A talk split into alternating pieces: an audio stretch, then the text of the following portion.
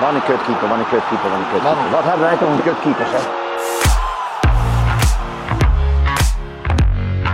En Sinister gets die penalty. Ja! Van de Sar saved it. United again. Maar Drommel pakt hem en hij pakt op de rebound. André Onana. Onana. Showkeepers, daar zijn we weer. Eh, inmiddels niet meer de tweewekelijkse podcast. Daar, die belofte hebben we helaas moeten breken eh, door omstandigheden. We hebben een aantal keer niet kunnen opnemen of eh, toch iets moeten verzetten. Maar we gaan het eh, met jullie goed maken, want we gaan zoveel mogelijk pod Alles aan doen om dat weer in ere te herstellen. Precies, richting de zomer gaan we toch zeker nog een aantal, aantal maken. Mijn naam is Harm Zijstra. Jordemal, naast mij zit Arjen Heerland. Yes. Goedemiddag voor ons. Ehm, mocht je ons willen luisteren, dan weet je ons te vinden op Spotify en Apple. Mocht je ons willen zien ook nog eens, dat kan ook via het YouTube-kanaal van keepershandschoenen.tv. We zitten hier in de studio bij FC Afkikkers, zoals je weet. Eh, en we hebben weer een gast. En deze keer eentje zonder connectie met FC Utrecht en Ajax. Want ja, die hebben we toch al wel genoeg gehad. Ook wel eens lekker. Ja, en er zit misschien ook nog wel wat in het vat daarvoor. Maar goed, eh oudkeeper en eh, nu keeperstrainer bij FC Groningen. Harman Couperus. Welkom. Ja. Ja, mede Fries. Ja, we, we kunnen het ook in het Fries doen, maar dan haken denk ik heel veel podcastluisteraars af, eh, Harman. Ja, laten we dat, laten we dat zeker niet gaan doen. Houden we dat achterwege. Houden, bewaren we die ooit eens voor, eh, voor de lokale omroep. Eh, maar Harman, is, was jij een showkeeper? Ja, op mijn manier wel. Ja, ja ik, ik- ik Ja, dacht als je nu absoluut. nee had gezegd. Ja, wij kennen elkaar al iets langer. We hebben samen getraind, met name bij, eh, bij Emmen. Ja, bij jij Heerenveen. speelde, ik trainde. Ja, bij Emmen speelde ik dan wel. Maar bij Heerenveen eh, was ik ook een van de zoveel in die, in die periode. Ehm, ja, en eh, ja, onze, onze carrières hebben al- elkaar een aantal keer eh, gekruist. Eh, maar ik ben ook nog wel benieuwd. Ja, je je was een klein beetje een showkeeper op, op jouw eigen manier inderdaad. Ehm, maar ja, als, je, als we vragen naar een showkeeper voor, als voorbeeld voor jou vroeger, als je, waar, waar keek je naar? Nou, heel, heel vroeger, maar eh, ik vond Michel Preudom destijds bij, bij België eh, en in België een fantastische keeper om naar te kijken. Ja. Toch een atleet in die tijd. En eh Pepe Reina van, van Liverpool was in mijn tijd, vond ik echt wel een... eh, De gelijkenissen trekken hier ook wel aardig op, eh Arjen. Qua kapsel bedoel je? ja, toch? Ja, ook wel een beetje Ja. qua stijl eigenlijk. Als ik nu een beetje terughaal hoe jij eh, speelde en, en keepte, was het ook wel een beetje uh, Pep Rijnstein. Die heeft het nog wel iets langer volgehouden. eh, tot op de dag van vandaag, moet ik zeggen. Nou, Ja, wat, wat, wat ik eh, weet van jou ook, eh, is dat je natuurlijk een tijdje bij Volendam gezeten. Nou, ik de, kom daar uit die hoek vandaan. Dat ik, volgens mij heb je daar geen één wedstrijd gespeeld, maar ik hoorde altijd louter positieve verhalen over jou. Ja, ik heb inderdaad niet gespeeld. Ehm, ook omdat Verhoeven dus zijn beste seizoen ooit speelde, denk ik. En de Ja. transfer naar Ajax verdiende. Ehm, misschien, misschien was ik ook al meer in, een- in een begeleidende rol altijd als tweede keeper. Ik was niet iemand die ging zagen of, of mensen kapot proberen te maken. Integendeel, ik, misschien kan Harm het ook beamen. Ik, ik gaf in Emma ook al wat training, want we hadden niet Ja. altijd een keeperstrainer. Ja, dan vond ik het fantastisch dat hij een goede wedstrijd speelde. Ja, en als concurrent zou dat eigenlijk misschien niet moeten. Vind ik wel knap. Maar eh, ja, ik, ik, Ja, dat- ik genoot daarvan. Ik, ik vond het ook veel prettiger om op die manier eh, samen te werken. Ja. Het is ergens wel een beetje een rode draad door jouw eh, spelerscarrière in ieder geval. Ik had een heel rijtje clubs. eh, eh, vul aan als ik eentje mis. Jeugd weet ik even niet, maar ergens ben je beland bij eh Cambuur Leeuwarden. Ja, Eh, toen naar Heerenveen. Ones Snake. Volgens mij was dat ook wel eh, in, op het hoogste amateurniveau. Ja. Eh, Urk, Spakenburg, Dronten kwam ik nee, nog tegen. Dronten ben ik niet geweest. Ik heb destijds wel die overschrijving gehad. Maar dat is uiteindelijk Sneek geworden, Sneek Zondag. Oh ja, En met Henk de Jong eh, een jaartje mogen werken, waar we ook kampioen werden. dat, Dus- eh Snake Wit-Zwart heette dat Ja, eh, ja. toen meestal hè. Toen weer terug profvoetbal in, Cambuur. Ja. Ehm, nog dat steeds zou een contract worden, maar dat ging niet door. Dus ik heb daar... eh, altijd een beetje tweede, derde keeper zeg maar. ja, en eh, vanuit Cambuur eh, kwam eh, een jaar later kwam, kwam Telstar. Ja. En daar ben ik ook als tweede keeper achter moeilijker begonnen. Eh, Kevin Moeilijke, ja. inmiddels trainer bij PSV geloof ik. Ja. Ja, Ja. ja. ja, een zeer goede jeugdtrainer. En eh, ook een fijne collega. Die eh, ook eh, misschien niet heel, geheel toevallig een transfer verdiende naar Heerenveen destijds. Waardoor ik eindelijk wel, wel wat kon gaan spelen. Ja, want daar uiteindelijk je debuut mogen maken. Ja. Hoe, oud, hoe oud was je toen? Eh 24 denk ik. Want op zich, je hebt best wel, nou, even tot aan je debuut al onmerkelijk pad, zeg maar. Eh, amateurs, profvoetbal, tweede keeper, amateurbasis, contract, contractjes, stel ik me zo voor. uiteindelijk wel altijd de drive gehouden, zeg maar, om eh, te, slagen of in ieder geval te debuteren in het betaald voetbal? Ja, maar daar moet ik bij zeggen. De eerste keer dat ik uit het betaald voetbal raakte, ehm, had ook te maken dat ik eh, in de zaak ging werken. Omdat mijn vader de eerste keer ziek, ja. de eerste keer ziek werd. En nou dan maak je andere keuzes. Ehm, wel of niet gewild. En dan heb ik eh, zes jaar lang met mijn broer de leiding gehad over eh, een fix aantal mensen. En eh, ja, je wordt daar in het diepe gegooid. Ja. En uiteindelijk heeft me dat enorm geholpen in, in mijn management skills, denk ik. En ik Ja. was niet altijd de Ja, makkelijkste. bijzonder wel, ja. dus, dus dat is wel heel goed voor me geweest om, om ook te leren relativeren. En om eens een keer wat rustiger te worden op momenten dat het even niet liep. Ja, is dat gelukt? Ehm, ja, rustiger? ja, zoals ik met mensen wel eens heb, heb besproken, is, is dat je moet leren tot tien te tellen. Nou, ik kan inmiddels tot vijf tellen. En veel meer zal het ook niet worden, denk ik. Want dat, het zit in mijn, in mijn karakter en het is, het is denk ik ook mijn kracht. Dus, eh, maar, maar je leert wel beter omgaan met situaties. En daar Ja. heb ik eh, heel veel toen aan gehad. En ik heb nu begeleiding gehad, extern.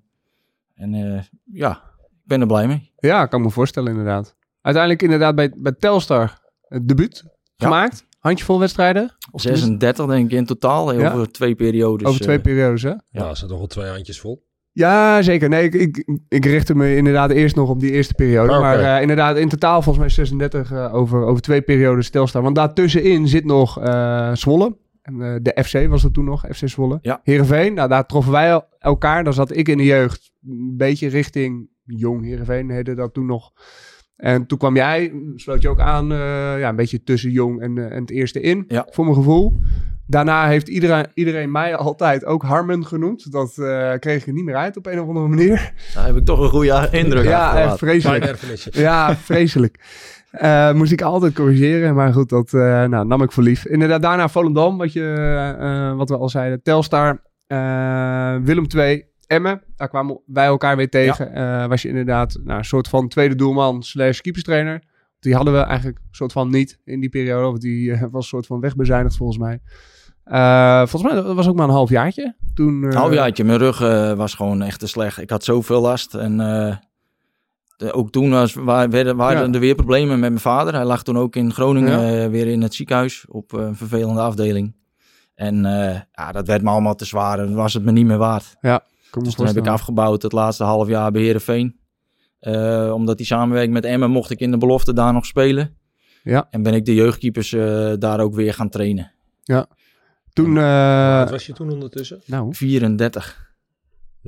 Zo'n leeftijd dat dat kan natuurlijk. Het kan wel, maar Ja. ik, ik voelde me fit. Ik was, was eh, redelijk afgetraind. Alleen de, ja, die rug, die tussenwervelschijven zijn eh, zo versleten dat het ging gewoon niet Nee. meer. Ja, en dan, eh, dan houdt het op. Ja, ik, ik, eh, nou, onze paden zijn een paar keer gekruist, wat ik net zei. Bij, ook bij Heerenveen. En wat me nog te binnen schoot toen ik hier naar toe reed. eh, van jou heb ik ooit gewoon gehoord. We, hadden, we hebben een aflevering ge- opgenomen over keeperhandschoenen. Dat vaseline in je handschoenen gewoon echt knijtergoed werkt. dat heb jij me Nou, ooit heb- gewoon eens. Maar dat is echt al, ik zit nu even na te, na te kijken. Dat is echt gewoon 2008 of zo, 2009 geweest. Ja, Dus maar jij, er gaat een verhaal Ja. in de rond, Dat, dat, jij dat, eh, dat jij dat ontdekt hebt. dat jij de ontdekker bent van, vase- Dat van heb ik een vaseline. keer gehoord. Eh, oh. ik, ik heb het zelf wel per ongeluk ontdekt. Ik deed altijd vaseline in toen nog mijn haar. En ik En had toen vrij had je lang haar. haar. Ja. En ik had nieuwe handschoenen aan. Een keer bij een wedstrijd bij de jeugd van Cambuur. En, en ik kreeg eh, twee keer een bal op goal en eh, hij glipte alle kanten op. Ik denk, als, als, dit de hele wedstrijd gaat duren, dan heb ik een probleem. En op een gegeven moment eh, valt er een lokje voor mijn ogen. En ik, ik doe dat aan de kant met mijn platte handschoen. En de eerstvolgende bal die kwam, was echt, was echt ongelooflijk. Die bleef gewoon plakken. En dat is eigenlijk het moment geweest dat ik dacht van wauw. Ja. Dit, dit is... Vaseline eh, in je handschoenen. dit is Ja, nu wat. eh, ja, in, de- in de Ik Eredivisie zou hem betaald wel claimen, man, als ik jou was. Nou ja, ik, weet, ik, weet niet, ik, ik weet niet of je er nog rijk van wordt. Want in, inmiddels zijn er gewoon echt heel veel bedrijven die gewoon, weet ik veel, glove glue of weet ik veel wat voor eh Ja, vergelijk. Ja, het is, het is allemaal vaseline in een potje wat gewoon nou, de werking heeft die wij inmiddels weten Ja. dat die heeft. En in de Eredivisie en over, ja, bijna overal, ja, de doelpalen zijn meer geel dan wit. Want ja, er zit alleen maar vaseline aan die dingen. ja maar dan kan ik Omdat wel elke vertellen. keepers dat een beetje lopen te smeren in de Ja, handschoenen. dat ligt wel aan de kwaliteit handschoenen. Als Ja, jij, kan als, ik me je- voorstellen. als jij gewoon echt wel eh, de kwaliteit maar hebt. ook wat- bij de beste handschoenen werkt het, toch? Echt nat is wel, ja. Is mijn ook- ervaring. Nou, nou, zo zeggen, ik, ik durf het echt hardop te zeggen. Ik ben, eh, nou ja, eh, ik weet wel wat van handschoenen, laten we daarop houden. En eh, er zijn bepaalde modellen van bepaalde merken waar je het echt niet bij nodig hebt. Alleen er zijn er gewoon een heleboel eh, met nat weer, dat het glibberig glijden wordt. En als je dan vaseline gebruikt, dan is het perfect. Nou ja, eh, even, ja, hij is nu eh persona non grata natuurlijk, maar Onana deed het in ieder geval ook altijd. Maar ook gewoon met, nou ja, op maat gemaakte Adidas handschoenen. Ja, Eh, dus ja, het gebeurt overal. Ik weet eigenlijk niet of het in het buitenland ook heel veel gebeurt. Eh, weet jij er iets meer van? Ja, in België ook. Ja, in België Daar ook. kan maar ik, weet ik niet, ik over zie eh, de. Premier League of zo, zie, zie ik het niet zoveel gebeuren.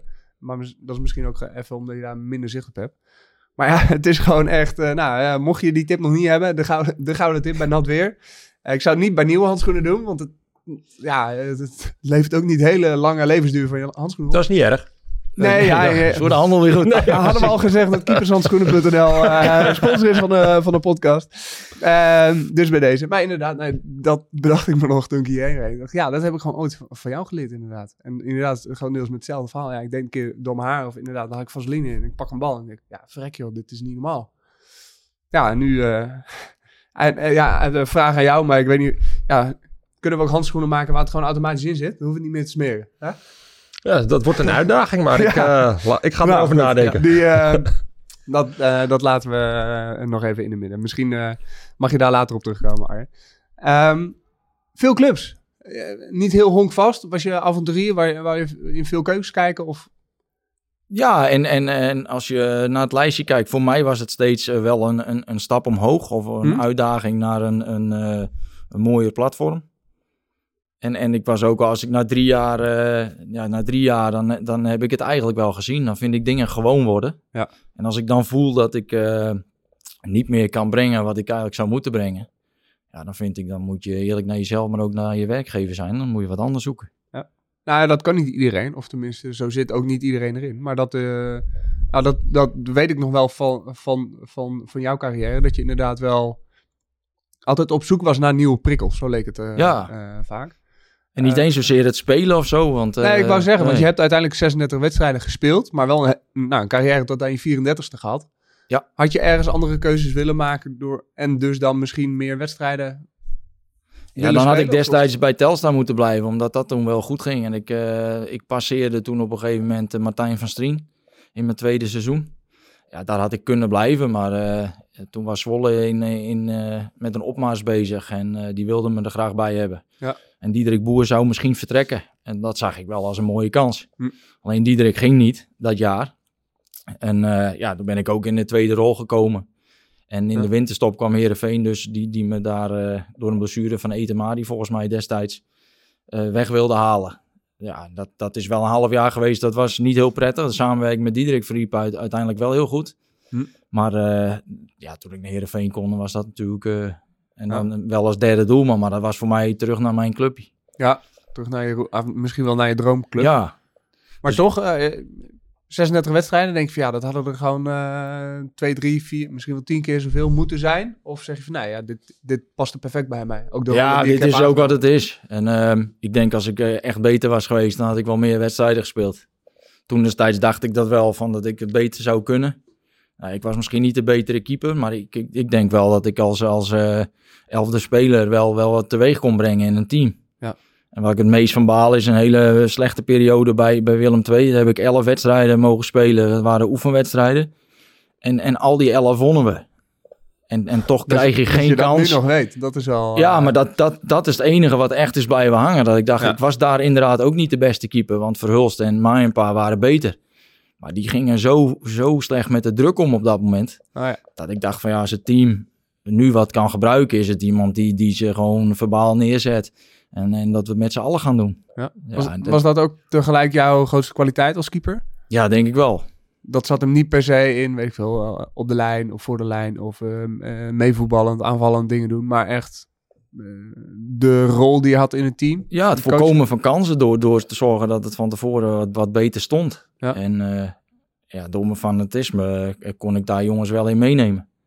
Ja, dat, ja, Eigenlijk wel Dat al een beetje een geboren keeperstrainer, als ik het zo hoor. Ja, wat, wat ik wel heel jammer vond destijds, is dat ik keeperstrainers heb gehad, maar dat er nooit iemand mij wees op dat ik een beetje, nou ja, ik noem het dan, eh, wat terug moest stappen.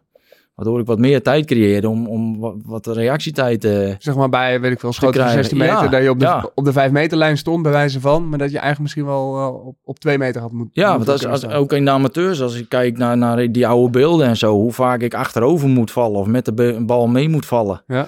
Eh, Of ik kom halverwege ergens uit dat ik denk van, maar hier hoef je niet kort te komen op een bal. Want Ja. Die speler staat gewoon in, in een hoek. Blijf, blijf lekker op je doellijn staan, joh. Was dat ook misschien een beetje de tijdsgeest? Ja, dat was het ook. we moesten voor de goal, Ja, goal precies. Toen werd altijd alles verteld, eruit. je moet naar voren, naar voren, naar voren. Ja. En dat is ergens... in eh, seriewerk waarschijnlijk. Ja, alleen maar. Ja. En, en met hoekschoppen op twee derde van je doel staan eh, eh, achterin. Terwijl de snelste ballen allemaal voorin komen. En, dan zei, ja. en dan ook nog open gedraaid. Dat ze zeiden van ja, als je open gedraaid staat, dan kun je twee kanten op. Ja. Ja, maar achterin heb ik meer tijd. Dus als ik dan een beetje moet draaien, dan heb ik Ja. tijd zat. Maar voorin heb ik die tijd niet. Ja, dat zijn dingen, daar ga je later wel over nadenken. Ja, Ja, gebo- geboren keeperstrainer misschien al. Zo zag ik jou ook, eigenlijk ook altijd wel. Ehm, van welke trainer of keeperstrainer heb jij het meest geleerd? Welke trainer? Keeperstrainer, hè? Dat kan ook. Nou, ik, ik heb destijds bij Volendam met Zoeterbier, die natuurlijk eh, een brok aan ervaring meebracht. Daar heb ik wel heel veel eh, eh, tips vanuit het, het wedstrijdsituaties eh, Ja. van, ja, meegekregen. En daar hebben we nu nog steeds wel contact over. En eh, ja, ik moet hem sowieso noemen, eh, Carlo Lamy, in alles. Ja. Destijds fanatisme. De eerste keer dat ik in 97 bij Heerenveen zat, was hij net opzij geschoven, maar trainde nog wel mee. Dat was ook tekenend voor hem. Ja. Dat hij plaats moest maken terwijl hij een jaar daarvoor speler van het jaar was geweest. En dat hij toch het kon opbrengen om daar te blijven trainen, omdat hij fit wilde zijn. Ja, volgens Ja. mij staat Lamy eh, wel bekend om zijn fanatisme. Tenminste, eh, ja, de beelden als er eh, gescoord werd bij Ajax onder de boeren. Ja, dan eh Ja, ook in, scoor je het hoogste. in warming-up straalde die dat ook altijd al uit. Je ziet zijn fanatisme, zag je ook altijd gewoon in de, in Ja. de wedstrijd warming-up eh bij Dus Ajax altijd. Nu bij Club Brugge. Ja. Wel, ehm, ja, ik kan me wel voorstellen dat hij, eh, ja, dat hij jou veel geleerd heeft. Als we nu terugkijken even op eh, de beste pe- periode van Onana, is misschien ook wel onder eh, Lam- Lamy geweest. Los nou ja, van- niet misschien, dat is geweest. Ja, Ja. ja, ja. En dat vond ik met Sillis ook. En dat vond ik eigenlijk met Stekelenburg ook. Ja, ah, ja. Dan eh, gaan we Club Brugge in, de- in de gaten houden, eh, hoe, hoe de keepers daar gaan presteren. Ehm, ja, geboren trainer, want volgens mij, of tenminste, eh, eh, je gaat ook al vrij snel training geven. Dat Vaak- deed ik altijd al daarnaast. Ik heb ehm, lang met een vriend van mij, Nick van der Werf uit Sint-Nicolaas is, is verder niet zo bekend. Maar die deed dan eh, de amateurclubs in de regio. En die vroeg mij er vaak bij. En dan eh, het voordeel was dat ik dat, ik dat eh, parttime kon doen. Dus voetbal stond op één. Want ik moest natuurlijk gewoon nog zelf trainen en spelen. Maar daar, daar ben ik altijd assistent. Maar we zaten altijd, we deden het gewoon samen. Ja. Ja. daar heb ik als, als keeperstrainer ook zoveel opgestoken van een groepsproces. En, en amateurvoetballers eh, eh, dingen laten doen die je graag wilt zien. Ja, daar komt gewoon veel meer bij kijken. dat is dan misschien nog wel moeilijker dan profs. eh, Ja, ja, absoluut. Ja. absoluut. Ja, dat kan ik me wel voorstellen. Ergens kom je op een gegeven moment bij Heerenveen terecht als keeperstrainer. Eigenlijk weer terug op de oude, oude nest. Ja. Is gaat dat dan ook zo? Word je inderdaad gevraagd, gevraagd van, oké, Harme, oud-keeper geweest. Was misschien al een beetje een soort van geboren, geboren trainer. Ja, eh, woont hier in de buurt. Ja, wij moeten hem hebben. Ehm, ik had al een paar keer dat, dat Albert van der Sleen om privéredenen een keer niet kon of zo. Dan belde hij mij en dan eh, of ik dan wilde overnemen. En Albert was nu ook degene die zijn Achillespees afscheurde. En zelf Oh ja. bij eh, de directie had aangegeven van... eh, nou ja, als je toch een vervanger wil hebben dit komende half jaar... pak Harmen erbij en dan kan ik hem begeleiden. Dus we hebben dat eh, hartstikke mooi samen gedaan. Ja. Ik had alleen een gesprek, ging eraan vooraf met ene meneer Van Basten. Ja, Ja, dat was voor mij, wel een, ding, dat was voor mij wel een dingetje. Want ja, het was natuurlijk wel de grote Marco van Basten. ja. Was hij dat ook als trainer? Ja, als mens, als mens sowieso. Was echt geweldig. Het begon al dat gesprek waar ik zenuwachtig in ging. Dat was na een halve minuut al over. Want dat was lage gieren brullen. Oké. En, en, en met Van Basten wist je altijd wat je aan hem had. Dat is, dat is voor mij echt een gouden half jaar geweest. En dan met Timo Klompen erbij, die inhoudelijk heel sterk was. Als ik aan Van Basten bij Heerenveen moet denken, dan moet ik altijd denken aan, eh, volgens mij was het eh, van La Parra of zo, die hem toen een keer in de arm eh, vloog, dat ze met z'n tweeën helemaal om Ja. Daar moet ik altijd aan denken Ja. als ik hem bij Heerenveen eh, hoor. Ja, die enkels waren niet heel stabiel meer. Nee. Dus eh, waarschijnlijk kon hij dat niet meer opvangen. Eh, volgens, mij is dat je, volgens mij is dat je intreden zeg maar, als keeperstrainer bij eh betaald voetbal. Want daarna ga je naar Eagles. Ja. Ehm, daar kom je later ook weer terug. En daar gaan we denk ik nog wel wat verder op in. Je komt ook weer terug bij Heerenveen na die periode bij Eagles. Ja. Eh, dat was niet meer Van Basten, denk ik. Nee, er kwam uh, Dwight Lodewegers. Oh ja. Nou, dan Ja. heb je wel aardige trainers eh, gehad. Tenminste, Dwight, nou, inmiddels ook ex-bondscoach, ex-assistent bondscoach, maar ja, verschrikkelijk goede trainer. Ja. Wat pik je van zo'n zo iemand op? Hele andere trainer, lijkt mij, dan Van Basten. Ja, het was, was tactisch en inhoudelijk ook heel erg heel, heel sterk. Vooral een gameplan eh, tegenstanders ontleden. Ja, dat, dat kon hij zo goed. En dat kon hij heel rustig brengen. En Ja. dan gingen we dan in patronen trainen. En, en de samenwerking dan eh, ja, met de keepers. Ja, dat, dat, dat, was, eh, ja, dat was heel fijn. Ja, kan me, kan me wel voorstellen. Zo ken ik Dwight ook. Ik heb Dwight even gehad bij Cambuur. Totdat hij weg werd eh, gejaagd door supporters. Omdat hij naar Heerenveen ging. Eh, maar zijn besprekingen wa- waren gewoon kunstwerken. Maar echt gewoon, als je... eh, Nou, hij deed nog alles op zijn oude wedstrijd flip over. Nou, echt gewoon niet een streepje verkeerd. Ik denk dat hij misschien wel tien eh, versies in de prullenbak had gegooid. Ja, dat Weet- kan weet ik dan niet. bevestigen. Ja, want daar zat ik wel eens bij. Ja, maar echt niet een streepje stond verkeerd. Echt waar, alles gewoon uh, tip-top erop? Ja, maar echt alles gewoon met een lineaaltje en, en alles perfect gewoon. En, eh, en hij had ook altijd gelijk. Als hij iets van tevoren zei bij een wedstrijd, van jongens, zo en zo en zo. En eh, hij, hij durfde ook gewoon te zeggen, ja, eh, Ruben Schaken was toen even bij Feyenoord. Was gewoon een international. Hij zei, jongens, die komt nog geen lantaarnpal voorbij. Dus daar moeten we zo en zo, die, hè, die hoeven we geen rugdekking te geven. Ja, hij durfde dat gewoon te zeggen. Ja, wij waren ook maar Cambuur. Eh, maar ja, geweldige vent. En ja, wat hij zei kwam ook altijd uit. Dus dat herken ik wel in hem. En ik kan me voorstellen, als je daar dan een beetje, nou, als beginnende keeperstrainer, zeg maar, onder, in zo'n staf komt, ja, dat je gigantisch veel leert. Eh, ja, dat was, dat was ook zo. En, eh, en hij nam ons daar ook, eh, en, en mij als keeperstrainer ook vooral eh, helemaal in mee. En dat is ook wel belangrijk. Hm. En het jaar daarvoor had ik natuurlijk met, met Fouke Boy mogen werken bij, eh, bij Go Ahead. Nou, Fouke was ook, ook een brok ervaring. En, en iemand waarmee ik zo nu en dan in het hotel verbleef. Omdat we dan niet naar huis hoefden na twee keer trainen of na een wedstrijd. Ja, daar, daar leer je zoveel meer van dan op welke cursus of welke Ja, welke wel training dan ook. Ja, Ja. Dat, is voor, dat is voor mij als beginnend trainer gewoon... eh, Ja, Van enorm veel waarde Geen prutsers wat je, waar je mee Ja. gewerkt hebt in die periode. nee. Daarna ga je naar België. Ja. Mechelen meteen maar even eh, tackelen. Of tenminste, eerst ga je naar Leuven. Ja, Leuven. Eh, een jaar, denk ik. Ja, bijzonder jaar. Eh, omdat de Leicester City eh, groep, eh, de King Power groep, Ja. eh, de club overnam. Ja, dat hebben ze geweldig gedaan. Je voelde toen aan alles al dat, dat, dat eh, binnen drie, vier jaar eh, dat ze hoogste niveau in ieder geval hebben. Ik voorspel dat als King Power doorzet, dat ze binnen drie jaar ook mee om de titel doen. Zo. Ehm, ze, ze hebben de fundering gelegd. Alleen eh, ja, de reden van mijn vertrek, wat ik zou eh, gewoon verlengen, ehm, is dat de, de, de grote baas zelf een Thaise keeper haalde. En die, eh, die vriendelijk maar dringend verzocht op te stellen. Ja. Nou ja, daar, dat wil ik niet. Dus, dus eh, op een gegeven moment kwam de grote baas van Leicester in de kleedkamer en die zei...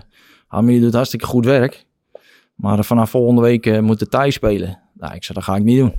Ja. Dat zijn dus dan ook de krachten bij zo'n overname. Of even zo'n eigenaar die dus dingen Ja, voor elkaar wil. Ja, en hij was de Thais International, een absolute afgod in, in Thailand. En hij had potentie. Maar hij was net, zeggen, hij kon- was kon net, hij iets van? jawel, jawel, maar hij kwam net binnen. Dus ik zei, dat, dit- dat kan niet. Plus dat we een, een 19-jarige jongen hadden die het hartstikke goed deed. Dus ik zei, ja, ik, je mag hem opstellen, maar dan, dan eh, stop ik ermee. Want eh, ja, dan is mijn, eh, mijn functioneren niet meer nodig.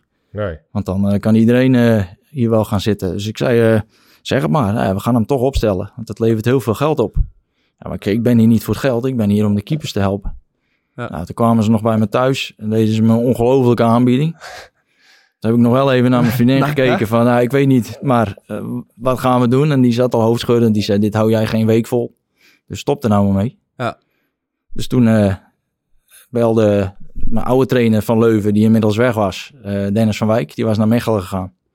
En die zei, als je daar toch eh, weggaat, kom dan hier lekker naartoe. Ja. Dus toen ben ik naar Mechelen gegaan. Ook een bijzondere periode geweest. Ik vind dat heel knap van je. Ja, Nee, meen, meen Ja. ik echt. Hoeveel blijven er niet gewoon zitten die voor hun baantje en voor hun geld kiezen, waar, waar ik heel vaak van zie of denk van, man, recht je rug. En dan ergens begrijp ik het ook alweer dat je een, dat je een gezin dan moet eh, onderhouden, maar ik meen het echt, ik vind het petje af. Ja, nou ja, ik, ik kan niet in andermans eh, portemonnee kijken. Ik kan alleen in die van mezelf kijken. Die was ook leeg. Ja, maar, maar, maar ja, we hebben thuis gewoon afgesproken van als, als dat soort dingen eh, boventoon gaan voeren en ik kan mezelf niet meer aankijken in de spiegel, ja, dan, dan moet je gewoon eh, dan moet je heel snel wegwezen. Dan gaan we liever in een tentje zitten of, eh, of op een bungalow, bungalowtje op de camping of wat dan ook. Ja. Maar, maar dat is veel meer waard dan, eh, dan alle geld in de wereld. Inderdaad, maar wel inderdaad, eh, ook als ze nog even met die extra aanbieding komen, dat je dan inderdaad toch dat kan eh, weerstaan. Mechelen, ook een jaar. Ja. Volgens mij een heel bijzonder jaar. Ja, geweldig, geweldig ja, maar, maar ook daar gebeurden weer dingen. Want iedereen zei, ja, maar waarom ga je daar nou ook weer weg? Ja, Mechelen was even eh, tweede klasse. Ze waren net gedegradeerd. Ja, uiteindelijk zijn jullie gepromoveerd. Ja, we werden Eh, kampioen. eh, beker gewonnen. Ja. Michael van Rips, nu bij Fortuna, een paar jaar terug bij FC Emmen. die, nou, die presteerde daar on- ontzettend goed. Ja. Die verdienen ook een transfer naar Sheffield United, volgens mij. Ehm, maar het jaar eindigde volgens mij eh, heel, erg, eh, heel erg gek. Nou, het was op een gegeven moment een, een doordeweekse dag dat we naar het trainingscomplex, eh, of dat ik ochtends naar het trainingscomplex reed. En ik, ik ben een ochtendmens, dus ik ben vaak een van de eerste. En ik, ik kwam daar aan en ja, de politie. En we werden apart gezet. En we mochten niet met elkaar praten. En ja, later hoor je dat, dat, dat er allerlei huiszoekingen en, en dingen waren. Want er waren eh, omkopingen en eh, wedstrijden verkocht. Er waren eh, enorme witwaspraktijken in België. Dus eh ze waren een enorme politieactie gestart. En doordat dat onderzoek liep, bleek dat ze al fo- telefoontaps hadden. En dat onze bestuursleden bij de wedstrijd waar ze degradeerden, de laatste wedstrijd van het vorige seizoen, dat ze daar eh, een keuken besteld hadden. Maar dat was niet een keuken, maar dat was eh, een wedstrijd die eh, geregeld was. Zo. Nou ja, en daar, daar is wel heel veel, eh, van een heel grote schaduw over dat prachtige seizoen heen eh, gevallen. Want uiteindelijk is het dus ook bewezen dat er omkopingen zijn geweest. Ja, ja, Door ja. mensen van eh Mechelen. ja, en er zijn ook straffen uitgedeeld. Maar die hebben het dus, zeg maar, als ik het goed begrijp, bewust laten degraderen. Nee, ze, ze, wilden, ze hebben de tegenstander destijds geld betaald om... Om er wel eh, in te blijven. Ja, Hmm. Ja. Dus het is nog voor niks geweest ook. ja, want op doelgemiddelde of doelsaldo eh vlogen ze er alsnog uit. Want even verderop waren twee Waalse ploegen tegen elkaar aan het spelen, de Franstaligen. Ja, die verstonden natuurlijk niet wat ze met die keuken bedoelden. Nee, die Nou, lekker 0-0. Nee, die, die, die speelden tegen elkaar. Als je die beelden terug ziet, er gaan vier, vijf ballen in. Dat je denkt van die, die keeper die ligt al. Dus ook daar is waarschijnlijk wat gebeurd. Alleen kun je dat niet bewijzen. Ja, toen hebben we elkaar wel aangekeken van... eh, ja, willen we hier eh, op dit moment nog blijven? Ja. En er liepen wel wat dingen met prachtige clubs in België. Maar eh, ja, toen, toen hebben we gezegd van... Weet je wat, we gaan, eh, we gaan naar huis. Nou, of tenminste zelf contract ingeleverd? Of was het toen ook van ja, de, de club werd... Nou, iedereen moest eruit om schoon schip te maken, zeg maar. Nee, nee, iedereen bleef zitten, want eh, de mensen bleven tot de laatste dagen ontkennen. En, eh, en uiteindelijk waren er ook wel andere geldschieters die zorgen dat het allemaal goed, eh, goed verliep. Dus die, die club kon blijven doorgaan. Ja, ja. Alleen, ja, we zaten midden in onderhandelingen over een nieuw contract. En dat was ook wel goed gekomen. Alleen, ik, ik had gewoon een slecht gevoel bij. Want de mensen van de UEFA, de FIFA, ik denk... eh, ja, als ik een rood kruis achter mijn naam krijg, terwijl ik er niets mee te maken heb... Ja, dan ja. eh, gaan we liever terug. Toen kwamen er ook privéomstandigheden bij. Dat eh, een zus van Hedwig ernstig ziek werd. En eh, toen zeiden we, weet je wat, we gaan naar Nederland. Het zijn allemaal tekenen dat we hier eh, nu niet moeten zijn. Nee, kan ik me wel, voor, eh, wel ja, kan ik me zo, zo wel voorstellen. Want volgens mij je bent ook echt daadwerkelijk gewoon verhoord door de FIFA, door de politie, door... Ja, er waren allemaal mensen die, die, eh, die kwamen. Ze moesten allemaal wat van je, maar ja. Ja, uiteindelijk was het voor mij heel kort, want ja, ik, eh, ik was er niet bij en, en dat kon ik aantonen. Ja, dat, dat- dat wou ik zeggen. Want ik, ik hoor had een in wanneer, Ja. ja. wanneer het gebeurd is. Maar ik wou al mijn volgende vraag was van... joh, maar toen was jij er toch nog helemaal niet? Nee, dus, dus uiteindelijk kun je dat ook heel, heel duidelijk, eh, heel duidelijk maken. En dan is het, ook, eh, is het ook prima. Alleen dat je het gevoel wat je hebt, dat er toch mensen zijn die het hebben gedaan. Wat komt er nog achter vandaan? Wat is er meer gebeurd? Ja. Ja, dat, dat, dat, dat, dat, dat gevoel, dat wil je niet. Dat, dat kun je niet voorstellen, joh. Gigantisch. Ja, je maakt wat mee als je even twee jaar in België zit, als ik het zo hoor. Eh, dan weer terug naar Nederland inderdaad. Go to Eagles. Dat is volgens mij de volgende club. Ja. Ehm, daar tref je ook wel een bijzondere keeper aan. Ja, een hele bijzondere. Toch? ja, wel een hele goeie. Ja. Kijk, het eerste jaar was natuurlijk met Hobie Verhulst. En toen was eh, Jay trainen, Jay Gorter hebben we het natuurlijk Ja. over. Die trainde eh, net wat mee. Het vorige seizoen was die erbij gekomen. En eh, Ja, nou Ja. was Sjoerd over toen. ja, Sjoerd had wel gezegd van, eh, dat is, het is een talentvolle jongen, maar het is wel eentje met een gebruiksaanwijzing. Nou ja, dat bleek achteraf ook wel zo te zijn. Alleen was het wel een beetje anders dan dat we hadden ingeschat. En eh, Jay bleek gewoon een fantastische persoon te zijn. Alleen eh, had net als ik vroeger de, de plus wel eens op de min. Ja, een beetje kortsluiting. eh. Ja, en, en ik, ik voelde wat, wat, wat, wat hij voelde. Omdat ik, ik, ik, was, ik was niet anders in mijn, in mijn jongere jaren. En dan denk je echt dat je veel beter bent dan de hele wereld. Hm? En hij kan dat ook echt zijn. Dus dat wil ik er wel even bij zeggen. Maar je moet dat wel eh, in fases doen. ja. Dus dat was een heel... eh, Nou, hoe, hoe, heb, hoe heb je hem uiteindelijk op de rit gekregen naar ja, het successeizoen van hem kennen we. Eh weet ik veel, 25 keer eh, de nul. Eh, 26. 26, Ja. sorry, sorry. Ehm transfer, een transfer naar Ajax. Hoe, hoe, hoe gaat zoiets? Even van nou, het moment dat je binnenkomt en eh, nou, met een klein beetje voor, voorgeschiedenis vanuit, eh, vanuit de vorige keeperstrainer Sjoerd. Ehm, ja, dit is eentje met gebruiksaanwijzing. Nou, joh. Ja, je ziet wel wat je tegenkomt, kijken hoe dat gaat. Dan, dan is er een paar keer kortsluiting. Hoe krijg je hem dan toch op een rit naar uiteindelijk de prestaties die, die hij leverde? Ehm, nou, het eerste, eerste jaar eh, vooral door, door te kijken of je een soort van band op kunt bouwen. En dat, dat, dat hij me ging vertrouwen, want hij vertrouwde niemand. Ehm, dus op een gegeven moment, op, op, op, bijvoorbeeld op een training, als je dan aangaf, hey, ik zou dat even anders doen. In het begin zei ik nog, hey, dat moet je anders doen. Maar dat ging al helemaal eh, de verkeerde kant op. Dan werd hij direct boos. En op een gegeven moment ga je dat wat anders brengen. Eh, heel veel één op één gezeten met hem. Ehm, lachen en huilen samen. Want daar was ook, eh, waren ook echt emotionele momenten bij. En toen dachten we hem op de rit te hebben. Hij speelde in het bekertoernooi al. Dat deed hij Ja. eh, hartstikke goed. En richting de winterstop had ik een gesprek. En bewust met z'n drieën. Met Verhulst, hij en ik.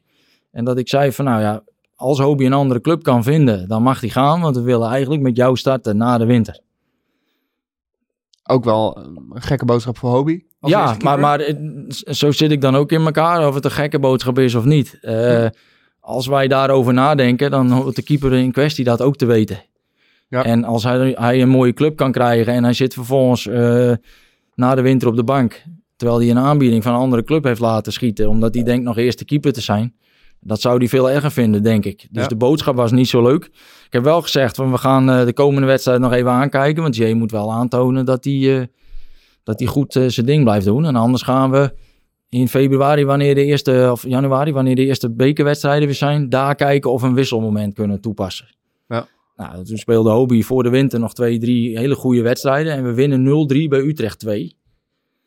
Dus toen zei ik direct al, jongens, voordat we op vakantie gaan, hou er even rekening mee dat dit niet een wisselmoment is. Want de druk op Jay wordt dan enorm. En, en Maar Ja, dat als heb het je dan ook mis- met hun drie ook. ja, dat ja ook altijd met z'n drieën. Ja, met z'n drieën. Met z'n drieën. Eh, en de clubleiding wist daar uiteraard ook van. Dus dat hebben we besproken. En eh, ja, Jay vond dat ook. Ja. Totdat hij naar huis ging en terugkwam. En toen voelde ik al van, hé, hey, hier klopt iets niet. De hele vakantie is op hem ingepraat.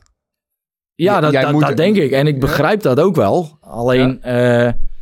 ja, in iedere andere situatie leg je dat weer bij een trainer neer. Maar daar had Jay heel veel moeite mee. Ja. Nou ja, toen, toen liep dat volledig uit de hand. Hij wilde niet meer en eh, de trainer liep hij weg. En eh, hij zocht ruzie eh, bij, bij een uitwedstrijd in, in Den Bosch. Sloeg hij de trainer over met een handgeven. Wel of niet met opzet. Uiteindelijk zegt hij van niet. En dat accepteren we ook. Is ook helemaal prima. Maar toen had ik hem gebeld. Ik zei, bied nou even je excuses aan. Maar dat, ja, dat, Het zat in. ik kon hem niet meer bereiken. En, en dat is wel een van de dingen geweest waar ik, waar ik zelf wel heel veel last van heb gehad. Want, want eh, ja, je we- werkte ergens met hem naar, ergens naartoe. Dus eigenlijk naar een keeperwissel. Hij zou eh eerst keeper misschien wel worden. Ja. En uiteindelijk ploft dat. Ja, dan ploft dat. En, en, en dan denk je bij jezelf, aan waar heb ik dit laten glippen? Want Ja. ja, ja wat ik al zei, eh, Jay is in zijn hart eh, de allerliefste waar ik mee heb gewerkt misschien wel. Dus je wil zo'n jongen helpen, ook omdat hij kwaliteit heeft. En ik kon hem niet meer bereiken. Dus, dus we hebben hem disciplinair moeten schorsen. Nou, dat is voor beide partijen was dat echt, eh, echt kloten, om het zo maar te zeggen. En eh, ja, dan richting het nieuwe seizoen zaten we toch een beetje in spagaat. Van ja, als ik hem niet kan bereiken, dan moet de club een andere keeperstrainer zoeken. Of we moeten kijken of we extern iemand erbij kunnen zoeken die, die Ja. op dat gebied eh, beter is dan dat wij zijn. Jij krijgt het niet meer voor elkaar met hem, eh, zeg maar. Nee, ik had het idee dat, dat, dat, dat ik hem emotioneel niet op de juiste manier kon raken. En eh, ja, daar ga je over nadenken. En, en dan zat ik zo in de knoop. Dus toen kwam Kees van Wonderen als nieuwe trainer inmiddels. En toen zei Kees ook, van, dan moeten we kijken of we extern iemand erbij kunnen pakken. En eh, dan gaan we kijken, is, is het het waard om, om dat traject met hem in te gaan? Nou, ik zei 100 Hebben jullie Sander Hij is geweldig goed. Of niet? Sander Roeger toen ingeschakeld of niet? Nee, we hebben Bram Meurs. Oké. En Bram Eh, heeft... een, een sportpsycholoog. Ja, en Ja. Bram heeft fantastisch werk met hem eh, geleverd. Dus Ja. eh absoluut de pluim waard. Want die, eh, die kon wel... hoe bouw je eh, dat dan op? Want je bent bezig met een relatie. Die, hij zei, ja, hij moet me vertrouwen. Ja, op een gegeven moment is dat dan ook in één keer weg. Je kan hem niet meer bereiken. En dan moet je eigenlijk nou, een soort van weer opnieuw beginnen. Alleen nadeel is, je hebt een geschiedenis met elkaar. Ja, maar juist die geschiedenis, en dat deed Bram hartstikke goed, die heeft dat gebruikt om, om ons nog dichter bij elkaar te brengen. Dus die heeft gewoon gezorgd dat dat, dat, dat muurtje wat ervoor stond, dat er een klein deurtje in kwam. En daar ontmoeten wij elkaar, Jay en ik, Ja. om het zo te zeggen. En die, eh, ja, daar hebben we goede gesprekken gehad. Hij trainde inmiddels weer wat mee. En toen had ik ook echt het gevoel van, nou, Jay gaat, eh, gaat de goede kant op. En, en ik had echt het gevoel van, hey, hij, hij vertrouwt me. Hij, eh, hij luistert, hij, hij wil ergens naartoe. En hij gooit het, hij legt het in mijn handen. Maar heb je ook wel eens gedacht...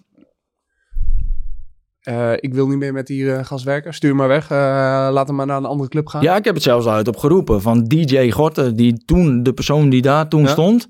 Ja, ik zei, daar kan ik niet meer werken. Dat wordt niks. Nee. Dat heb ik ook wel gezegd. Alleen Bram heeft gezorgd dat de Jay die daarvoor was, terugkwam. ja, ja. Ja, en wat ik zeg, dan, dan heb je geen lievere jongen om, eh, om mee te werken. Kom je dan ook nog weer terug op dat, dat ben ik dan benieuwd naar, ehm, waar dat dan zeg maar mis is gegaan? Ga je dan, dan opnieuw over in, eh, in gesprek? Want het- voor jou is dat dus een heel duidelijk punt dat je zegt, joh, toen is dat gesprek geweest, dat is misgegaan. Ga je dan, dat ben ik nieuwsgierig naar, dan ook weer in, in gesprek, Ja, ga je daar, ja. daar refereer je terug naartoe weer? Ja, Om het, oké. ik heb hem gevraagd van, van hey, wil je me helpen om, om, om dat ik in het vervolg niet meer die fouten maak? Of Ja. dat, dat als ik weer eens een persoon als jij tegenkom, dat ik daar anders mee om kan gaan. Ja, en, dan- en wat hij toen deed was, was, was geweldig. Het eerste wat hij zei, mijn trainer, het ligt niet bij u. Het ligt aan mij.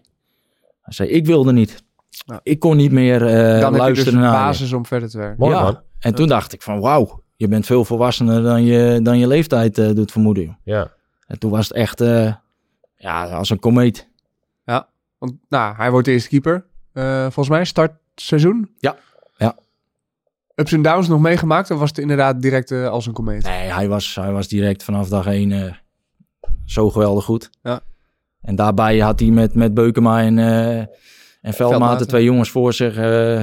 waar we geweldig mee een driehoek mee konden vormen. En, en zo gingen we ook trainen. Ja, gaaf. Mooi. Dus vaste afspraken. Op een gegeven moment ehm, wordt het spannend richting eh, promotie. Nou, de laatste wedstrijd volgens mij al helemaal tegen Excelsior. Dat jullie daar nog een half uur, drie kwartier, misschien nog wel veel langer op dat veld Ja. moeten staan wachten. Omdat die andere wedstrijd gestaakt was. Eh, intussen speelde er ook al van alles volgens mij rondom Jay Gorter. Als in transfers. Ehm, hoe ga je daarmee om? Dus ja, promotie is gewoon het doel. Maar ja, als hij zes keer in de week wordt gebeld door verschillende clubs. Ja, dat vergt ook nog wel iets. Praten. Zoals het is. Ja. Niet omheen draaien, niet wegduwen. En al helemaal niet wegstoppen. Ja, Dus gewoon praten zoals het is. En hij praat ook. mooi. En ik zei wat ik graag wilde. En hij zei wat hij wilde. Ja. Ja, dat, dat, dat, was, dat was geweldig. En daarnaast hadden we natuurlijk... Want dat, dat moet niet vergeten worden. We, we hadden natuurlijk met Mitchell Michaelis een, een tweede keeper die, eh, die het geweldig deed. En die ook in de begeleiding richting Jay dat fantastisch deed. Ja, en, en da- die kwam privé natuurlijk met zijn zoontje Jax. eh, dat er van alles aan de hand was en dat hij Ja. later ook overleed. Ja, dat, dat heeft bij ons als keepers eh, er wel enorm in gehaakt. Kan ik me heel goed voorstellen. Ja. Het heeft ons, ons tegelijkertijd ook een boost gegeven om, om te kunnen relativeren, maar wel te zeggen, maar wat er ook gebeurt, we gaan het seizoen fantastisch afsluiten. Of dat nou met of zonder promotie is. Ja. Maar we gaan alle records breken. En, en, en dat heeft Jay, eh, heeft, heeft hij ook fantastisch gedaan natuurlijk. Ja. Ik spreek Mitchell dagelijks. En ehm, we hebben het hier ook wel eens over. En die zegt elke keer weer, het is de beste waar ik ooit mee eh gekiept heb. Over Gorter. Ja, Dat moet haast ook wel, tenminste gezien de stap ook die hij heeft gemaakt. ik denk dat Noppert hetzelfde zegt. Adviseer je hem nog iets dan?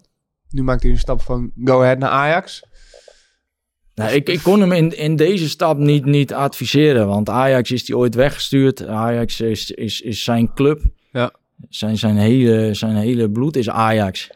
En als je dan terug kan, ja, dan ben ik, dan ben ik de laatste die daar wat van zegt. In Ja. wat voor rol dan ook. Maar ik, ik, vind, ik vind het ook jammer dat ze hem niet, niet de kans hebben gegeven. Want de problemen die er bij Ajax zijn dit seizoen met de keepers, nadat pas weer eruit raakte, want die heeft het wel heel goed gedaan.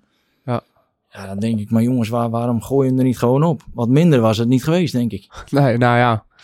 Eh, ik snap wel dat je dat zegt. Alleen ik denk dat je niet moet vergeten dat, dat Jay natuurlijk eh, geen eredivisie-ervaring eh, heeft. Dat Onana wel gewoon de pannen van het dak trainde. Want die schijnt op trainen wel echt gewoon geweldig te zijn. Ja, en dat ze natuurlijk wel Champions League, beker, kampioenschap daar volop mee in de race zaten. Dan begrijp ik wel de, de keus dat ze dat aan Onana vast hebben gehouden. Gezien eh, wat hij in het verleden deed. Plus Ja. het feit dat hij wel op dat niveau aan het trainen was. Ja, ik kan ook niet bij Ajax in de keuken kijken. hè. Dus ik, ik kan niet zeggen hoe ze daar trainden. Misschien heeft Jay ook wel daar wat gekke dingen gedaan. Of trainde die wat minder. Eh, nee, nee, nee. maar niet. naar, zijn, naar zijn kwaliteiten kijkende. Ja, dus het gewoon kunnen doen. In ieder geval een paar competitiewedstrijden. Ja. En, en, en dat, vind, dat vind ik wel heel jammer. En dan, eh, Hoe kan het dan zo zijn dat hij volgens mij zijn debuut nog niet eens heeft gemaakt in Jong ja, wel. Of misschien één, één, twee... Eén, sorry? Zijn debuut in Jong Dat heeft puur pech met blessures te maken. Ja, ook richting het EK vorig jaar. nou, ik vond het vorig jaar ongelooflijk dat hij niet werd opgeroepen. Maar goed, Ja. dat- ook Ja. daar ben ik niet bij. En is, is daar een keepersteam wat goed functioneert? Ja, misschien wil je daar niet in wisselen of zo. Maar ik, ik, ik, ik, me hè, met, sowieso met, wel met eens Scherp over, en Bijlo. eh, Paas zat daarbij nog. ja, ja, maar als een goede Jay is zoveel beter. Is zoveel beter. ja. Waar zie je hem eindigen dan? Op een gegeven moment werden gewoon eh Schendelaar en, en eh, Precies, ja. die, die zaten bij de voorselectie van Jong Oranje. Nou, waren ze hem in die zin dan een beetje bang voor hem? Ja, misschien. Maar dat is toch niet de bedoeling van een Nederlands team. Dat Nee. hoort toch gewoon de beste te zijn. Ja, ja, dat kan ik me voorstellen. Maar ehm belt een Ajax met jou? Of joh, eh, we hebben interesse in Jay Gorter. Eh, jij werkt eh, al een tijdje met hem? Nee. Nee. Helemaal niet. Nee. is toch ook wel eh, Ik moet heel eerlijk zeggen dat ik nog nooit terug gebeld ben door een club. Dat vind ik ongelooflijk. over een keeper die eventueel... Over een keeper die bij je werkt. Waar je een jaar mee werkt, twee jaar mee werkt. zou je het zelf wel doen dan? Ja, natuurlijk. Ik verbaas me ook, ook echt over dat soort dingen. Het is toch veel belangrijker hoe een persoon achter de keeper is die in de goal staat. Nou ja, Dan moet je toch ook weten wat je binnenhaalt. Het moet toch ook passen bij, je, bij wat, je, wat je wil. ja, zeker dan even in het geval van Jay Gorter... die natuurlijk eh, van heel ver weg kwam. Hele hoge pieken bereikt.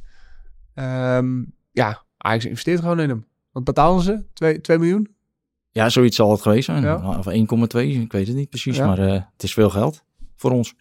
Ja, nou, het was een mooie, eh, een, een- een mooie zak geld inderdaad. Maar nou, ik dacht, nou, ik ben wel nieuwsgierig, maar eh, het gebeurt niet. Ja, maar, eh, verrast me inderdaad ook. Ehm, je gaat weg bij Eagles dan. Ja. Na dat jaar. Jullie promoveren. Ja. Wat was daar eh, de reden achter? Eigenlijk al eh, na een maand of twee in het seizoen. eh, dat, dat ik bij, met Kees al een keer zat. Ik zei, Kees, ik weet niet, jij hebt twee jaar. We werken heel goed samen, maar eh, ik voel dat hier een paar dingen anders moeten.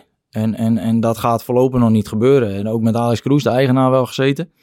Ehm, en die zei ook, ja Arme, je hebt misschien wel gelijk, maar ik moet het op mijn manier doen en we kunnen niet heel snel dingen veranderen. Nou ja, dan ga je erger aan dingen. Ja, dan ben ik... Eh, eh, zo, zoals? Ja, in, in dit geval moet ik, moet ik dan eh, persoonlijke dingen noemen. Dat, dat, dat lijkt me Ja, niet, niet goed, want eh, iedereen... eh, Nee, maar ik dacht misschien zit dan, weet ik veel, kwaliteit van materiaal of accommodatie of faciliteit of weet ik veel. Nee, want da- daar, is, daar is Kroes heel, heel nadrukkelijk mee bezig. En Ja, ja. dat gaat hartstikke goed. Alleen ik vind dat in de professionalisering dat daar stapjes bij kunnen. Ja, ja. En misschien wel moeten. Ja. Nou ja, en dat, dat is uiteindelijk nu ook, ook wel gaande. En dat kun je ook zien, want het, het lijkt vrij stabiel daar. Het gaat hartstikke goed. En dat vind ik ook prachtig. Ehm Kees hebben een geweldig seizoen. Absoluut. Eh, met zijn assistent trouwens Paul Simonis, wat ook een absolute toptrainer eh, wordt, denk ik. In ieder geval als assistent is die, is die echt heel erg goed.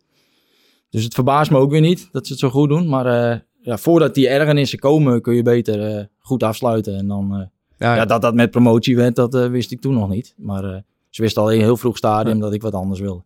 Dat zit ook weer, weer een beetje dus in je van joh, twee, drie jaar. Dan, ja, dan moet ik dus ook weer zelf op zoek, want anders ga ik me dus erger aan dingen. Ja, of je moet voelen dat, dat, dat, dat er iets gaande is en dat je denkt, Ja. nou, dit gaat, eh, gaat de goede kant op. Ja.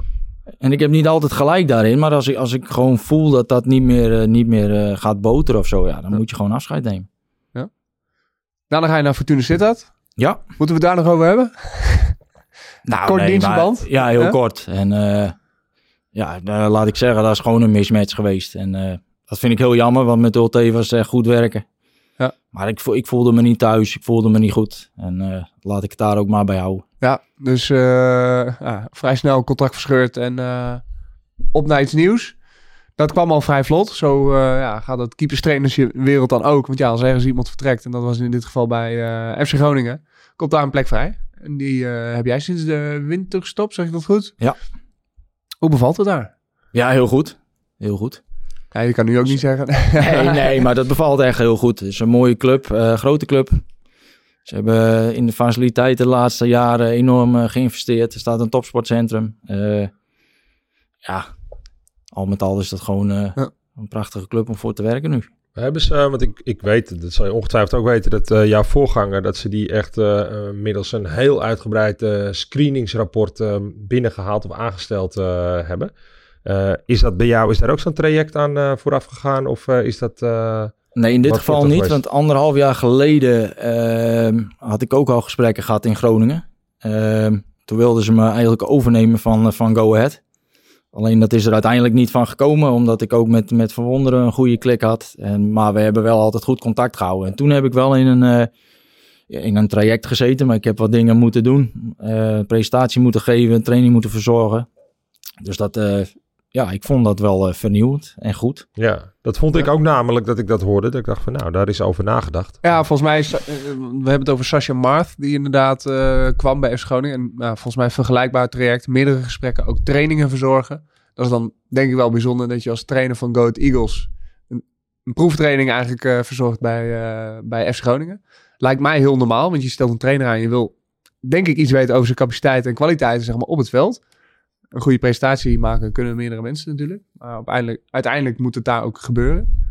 Ehm, ja, ja en nee. Dat, eh, ik, ik snap wel wat je zegt. Maar eh, ze gaan ook eh, met Harme in dit geval in gesprek op basis van wat hij kan. Ik bedoel, ik, ze hebben Strand Lassen ook niet een oefenwedstrijd laten spelen voordat ze hem contracteerden.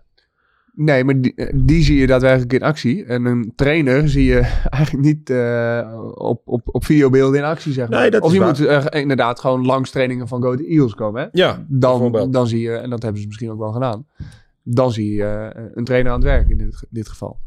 Ja, ik verbaas me er ook altijd over dat gewoon, soms lijkt het, hè, ik weet niet of het zo is, met, met twee, drie telefoontjes gewoon eh, trainers, eh, nou, keeperstrainers in dit geval eh, aangetrokken worden. Dan denk ik van ja, Ik denk dat je Misschien nog je daar verbaast hoe vaak dat nog gebeurt hoor. ja, Ja, maar het gebeurt zelf volgens mij zelfs met hoofdtrainers. Dat blijf je over verbazen. Ik ben blij dat de, de nieuwe lichting eh, het alle, één, één voor Ja. één allemaal goed doen. Want het wordt wel echt tijd dat, eh, dat trainers een keer vanuit hun eigen visie en eigen gedachten gaan trainen. Want eh, nou, ik heb zes, zeven jaar lang trainers gehad dat ik dacht van ja, maar jullie doen allemaal hetzelfde. Ja. En dat kwam gewoon omdat ze van een cursus komen waar, eh, waar echt, echt alles in het keurslijf moest lopen. En alles op één manier moest. Ja, dat, dat, dat vind ik echt een gemis. Hm. En als ik nu zie hoe, hoe, eh, hoe de nieuwe trainers, hoe Kees dat anders deed, hoe Ten Hag dat natuurlijk doet, hoe Ulte weer een andere gedachte heeft, hoe Buis het bij ons eh, op zijn manier doet. Ja, eindelijk, eindelijk. Maar Als ik denk dat dat met name hunzelf te pleiten valt. Volgens mij zijn die cursussen niet heel veel eh, veranderd, toch? Volgens, volgens mij is er de laatste jaren Ja. bewust veranderd dat men eh, nu ook met een eigen visie eh, mag eh, gaan werken. Dat is en dat zij, ja, en dat vanuit de KNVB dus de structuur wordt aangegeven hoe je dat, hoe je dat het beste doet. Ik hoop dat dat klopt. Want ja, een, een type als Henk de Jong mocht vroeger niet op de cursus, omdat hij het op zijn manier wilde doen. Ja. Ja. dat mocht niet. Ja, dat is in mijn, in mijn ogen echt ja, dat is ongelooflijk. Als we hem doortrekken naar, eh, eh, naar jouw visie, werkwijze. Eh, je begint natuurlijk nu ook halverwege in het seizoen bij, bij FC Groningen. Hoe, hoe druk jij een stempel? Nou, in, in dit geval is het wel ehm, even of wennen en, en lastig, want je komt in een draaiend iets. Hm. Danny heeft het met zijn staf heel aardig voor elkaar, eh, al jarenlang. Levert veel geld op, maakt jongens individueel beter. Dus om, om dan te zeggen, van, nou jongen, ik train altijd zo, we gaan het op deze manier doen en ik wil het liefst zo verdedigen. Ja, dat werkt nu gewoon niet. Ook al heb ik wel goede gesprekken met Danny daarover. Alleen je kunt in, een, in, in drie, vier maanden tijd, want dat is het, meer is het niet. eh, soms, soms alleen maar afbreken in plaats van dat je nog aan opbouwen toekomt. Dus het is, het is voor het eerst ook dat ik zeg, oké, ik, ik, probeer mijn eh, steentje bij te dragen. Maar de, de, de doorstart zal straks in de zomer eh, moeten komen. Want eh, ja, je wil niet te veel afbreken, want we moesten direct de competitie in. Ja. Dus in die zin pas je je meer aan even aan de situatie zoals die is. En de wensen misschien van de keepers die ze hebben. Ja. Die er zijn. Eh, dan dat je zelf gaat bouwen. En, of tenminste je eigen visie daarin ook. Ja, daar ga je wel mee aan de slag, maar, maar minder, minder dwingend dan, dan dat ik eigenlijk zou willen. Ja. Als je, ehm, maar hoe zou je het willen uiteindelijk? Hoe zie jij een keeper optimaal eh, functioneren? Heb je daar beeld bij? Ja, ik denk dat we af moeten van dat we keepers op een bepaalde manier willen laten spelen. Want de manier waarop jij keepte, daarin kwam jij in je kracht. Maar Ja. als ik dezelfde dingen moet doen als jij, ja, dan breek ik alles. Want jij was volgens mij een stuk leniger dan ik in eerste instantie. Toen nog wel. Nee, maar, Ja. maar snap je wat ik bedoel? Ja. Je- ik denk dat er veel meer naar individu moet, moet worden gekeken. Dus er is niet één techniek voor een keeper. Er is niet één handeling voor een keeper. En natuurlijk willen we naar perfectionisme, dat als een voorzet komt, dat we hem vangen.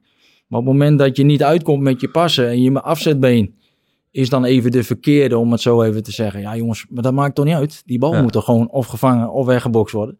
Ja. En, en in de Premier League of in Spanje, hoeveel keepers zie je nog ballen vangen? Dat gebeurt toch bijna niet meer. Ze blokken toch alles? Dat komt door het materiaal, door de snelheid tegenwoordig.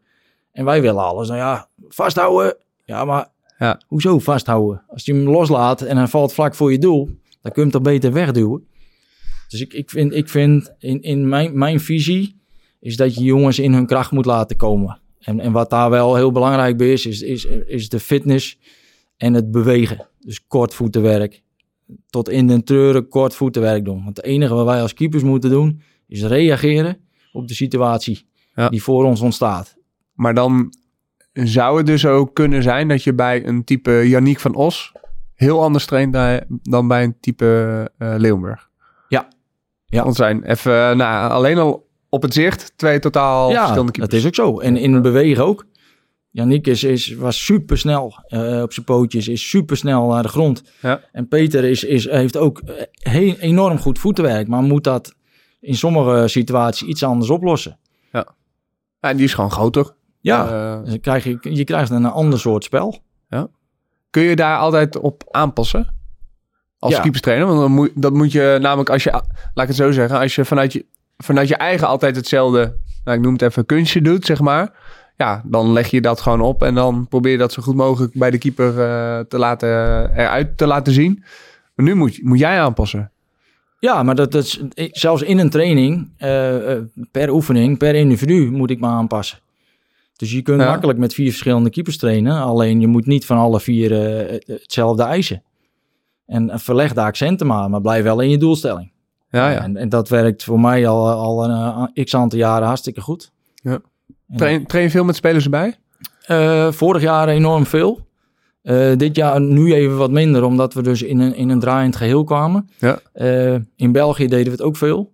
Ja, en je ziet gewoon dat dat uiteindelijk heel veel zijn vruchten afwerpt. Want, want de afspraken die je maakt, je, je kunt zoveel wedstrijdsituaties van tevoren al lezen.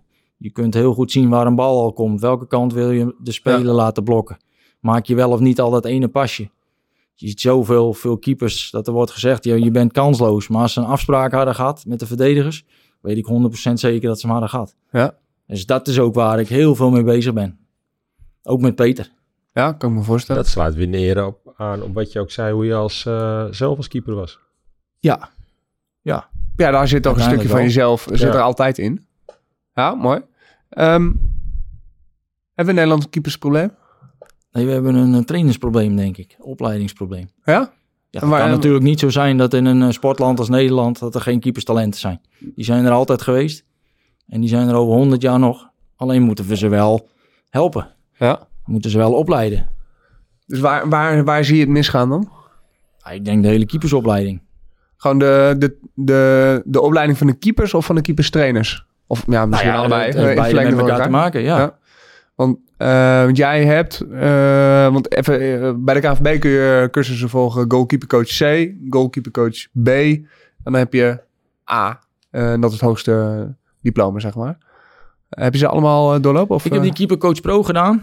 Nou, ja, dat, Ja. is een, dat is gewoon een, een veredelde voetbaltrainerscursus geweest. Dat was gewoon de UEFA A. Ja, Alleen was het, eh, het, het woordje player was doorgestreept en er stond goalkeeper. ja.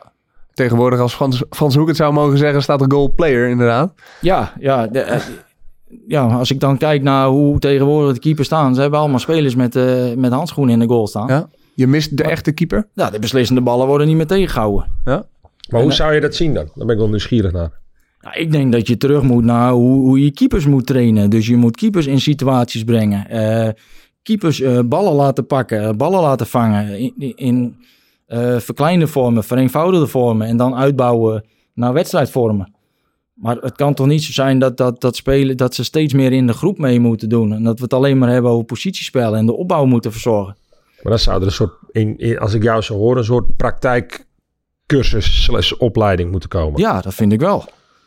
Maar even de, ehm, de wereld bij, nou laat ik in ieder geval zeggen, nou denk ik het beste beeld op bij amateurclubs is, ja, keeperstraining is gewoon een apart moment los van de teamtraining, want dat is nou, gebundeld één keer in de week.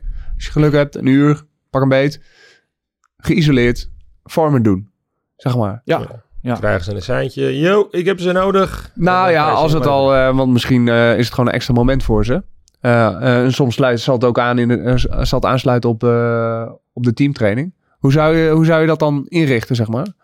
Nou, het, het mooiste zou zijn, ook bij amateurclubs, is dat, ik, dat de keepers natuurlijk iets eerder kunnen starten. En, en dat ze, als de, de, de amateurtrainers in een doelstelling trainen, dat je die, die keepers vast klaarmaakt voor die doelstelling.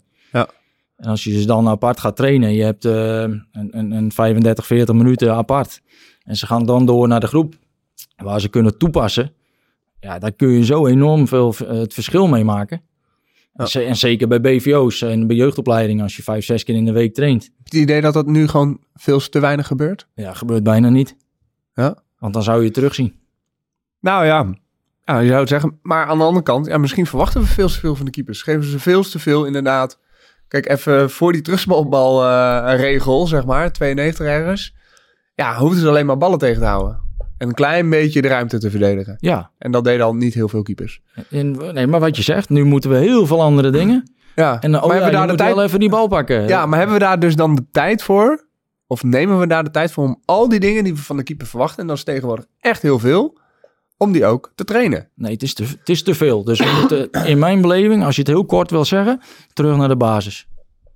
Maar dan hoor ik je dus eigenlijk zeggen dat de keeperstrainers eh, van de hoofdtrainers in dit geval te weinig tijd en gelegenheid krijgen om met hun keepers aan de gang te gaan. Eh, in betaald voetbal zal dat, zal dat misschien meevallen. En anders moet je meer tijd vragen of eisen. Ja, Want, want Of nemen, ga eerder starten? ja, eerder starten. Ja, en dat, dat, ja, ik durf wel te zeggen, dat gebeurt niet heel veel. Omdat men het prachtig vindt om uh, keeperstrainer in betaald voetbal te zijn. Ja, maar je wilt toch resultaten halen? Hoe, ehm, hoe zou we, nou, we hadden het net even over opleidingen, hoe zou een KNVB hier dan, want we, dan kijken we vaak naar de KNVB, hoe zou die nou, hier beweging in kunnen krijgen? Nou, door, misschien, door misschien te luisteren naar wat uh, praktijkmensen.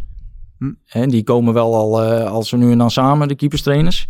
Uh, ze leren meer van elkaar dan op zo'n cursus, wordt er altijd gezegd. Nou, dat is natuurlijk al heel vreemd, want die cursus zou de basis moeten zijn. En alles wat je extra leert, is onderling die gesprekken. Ja. Um, dus het is, en nogmaals, ja, ik vind dat we wat meer terug moeten naar de basis. Dat je gewoon, keepers moeten ballen kunnen tegenhouden. Moeten weten wat er gevraagd wordt in wedstrijdsituaties, beslissende ja. momenten. En ja, 60% van de 70% van de ballen zijn terugspeelballen. Dus, dus tegenwoordig moeten we dat goed beheersen. Ja, maar de belangrijkste bal is nog altijd die bal die er wel of niet in vliegt. Ja. Want daar worden de punten verdeeld. Ja, maar je zegt we komen samen daarin. Alleen tegelijkertijd zeg je eigenlijk dat er dus ook een aantal, blijkbaar dan ook bij jullie groep of groepje zitten, die dus niet goed voor hun rechten opkomen. Ja, ik denk dat dat heel veel gebeurt, ja.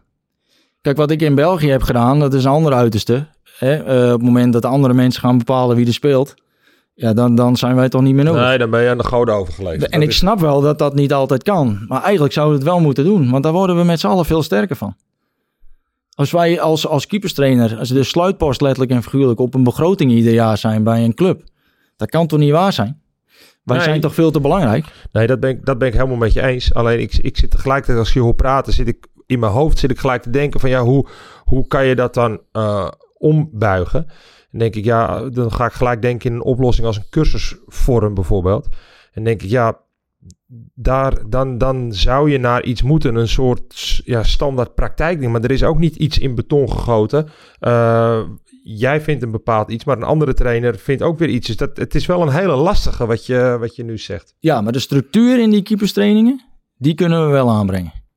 En de structuur Ja, in de, van in de werken... opbouw voor in de opbouw, de training daarna ja. naartoe gaat. En, en, en dat we ons houden aan eh, bijvoorbeeld een tweewekelijke, tweewekelijkse cyclus. Mhm. Dat je zegt van nou, dat, dat- die doelstelling, die trainen we de komende twee weken. En over twee weken gaan we de nieuwe doelstelling in. En dan heb je vier, vijf doelstellingen, want meer zijn er niet. Dan kun je geweldig trainen en je weet dat alles altijd aan bod komt. Ja, dan zou dat denken, hoe zie jij dat? Ik denk dat dan toch, dan praat je over een extern iets, denk ik. Ik denk niet dat je dat in een bepaalde KNVB-cursus kan doen. Nou, ik denk het ook wel. Wat ik vaak nog mis als we het over keepers hebben. ehm, we hebben het vaak over handelingen, vaardigheden. ehm, meevoetballen, ballen stoppen. Eh, maar eigenlijk een beetje daar bovenliggend zeg maar een soort visie van ja, hoe willen we nou dat keepers spelen? En tegenwoordig eh, voor teams vullen we dat in door bijvoorbeeld spelprincipes. Dus gewoon tactische gedragingen eh, of richtlijnen. Die zou ik, eh, en ja, daar ben ik ook mee bezig, ben ik ook, ook over na het denken, dus daarom kom ik nu hierop.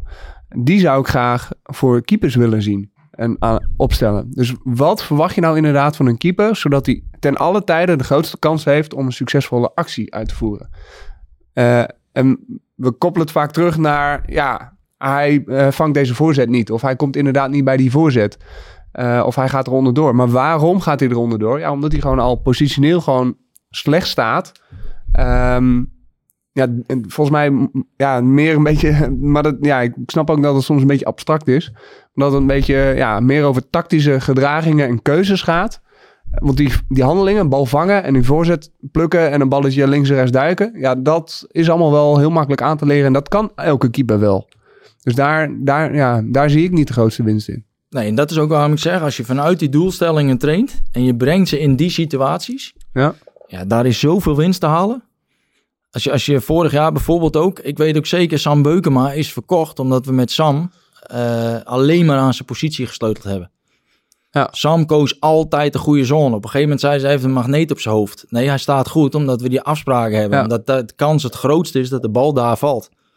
En viel die over Sam heen, dan wist ik zeker, daar zit Veldmaten of Gorter kan komen. Spelen ze hem laag, de bal mag nooit tussendoor. Dus Ja. niet tussen de achterlijn en de verdediger Nou, door. dat, is, dat, is een, dat kan een principe zijn, een tactische gedraging, zeg maar. Ja, nou, als je, en als je dat soort dingen beter betraint met, met keepers, dus het in, in, in de tactiek ook, zoals jij het inderdaad noemt, ja, dan maken we reuze stappen. Dat kan niet anders.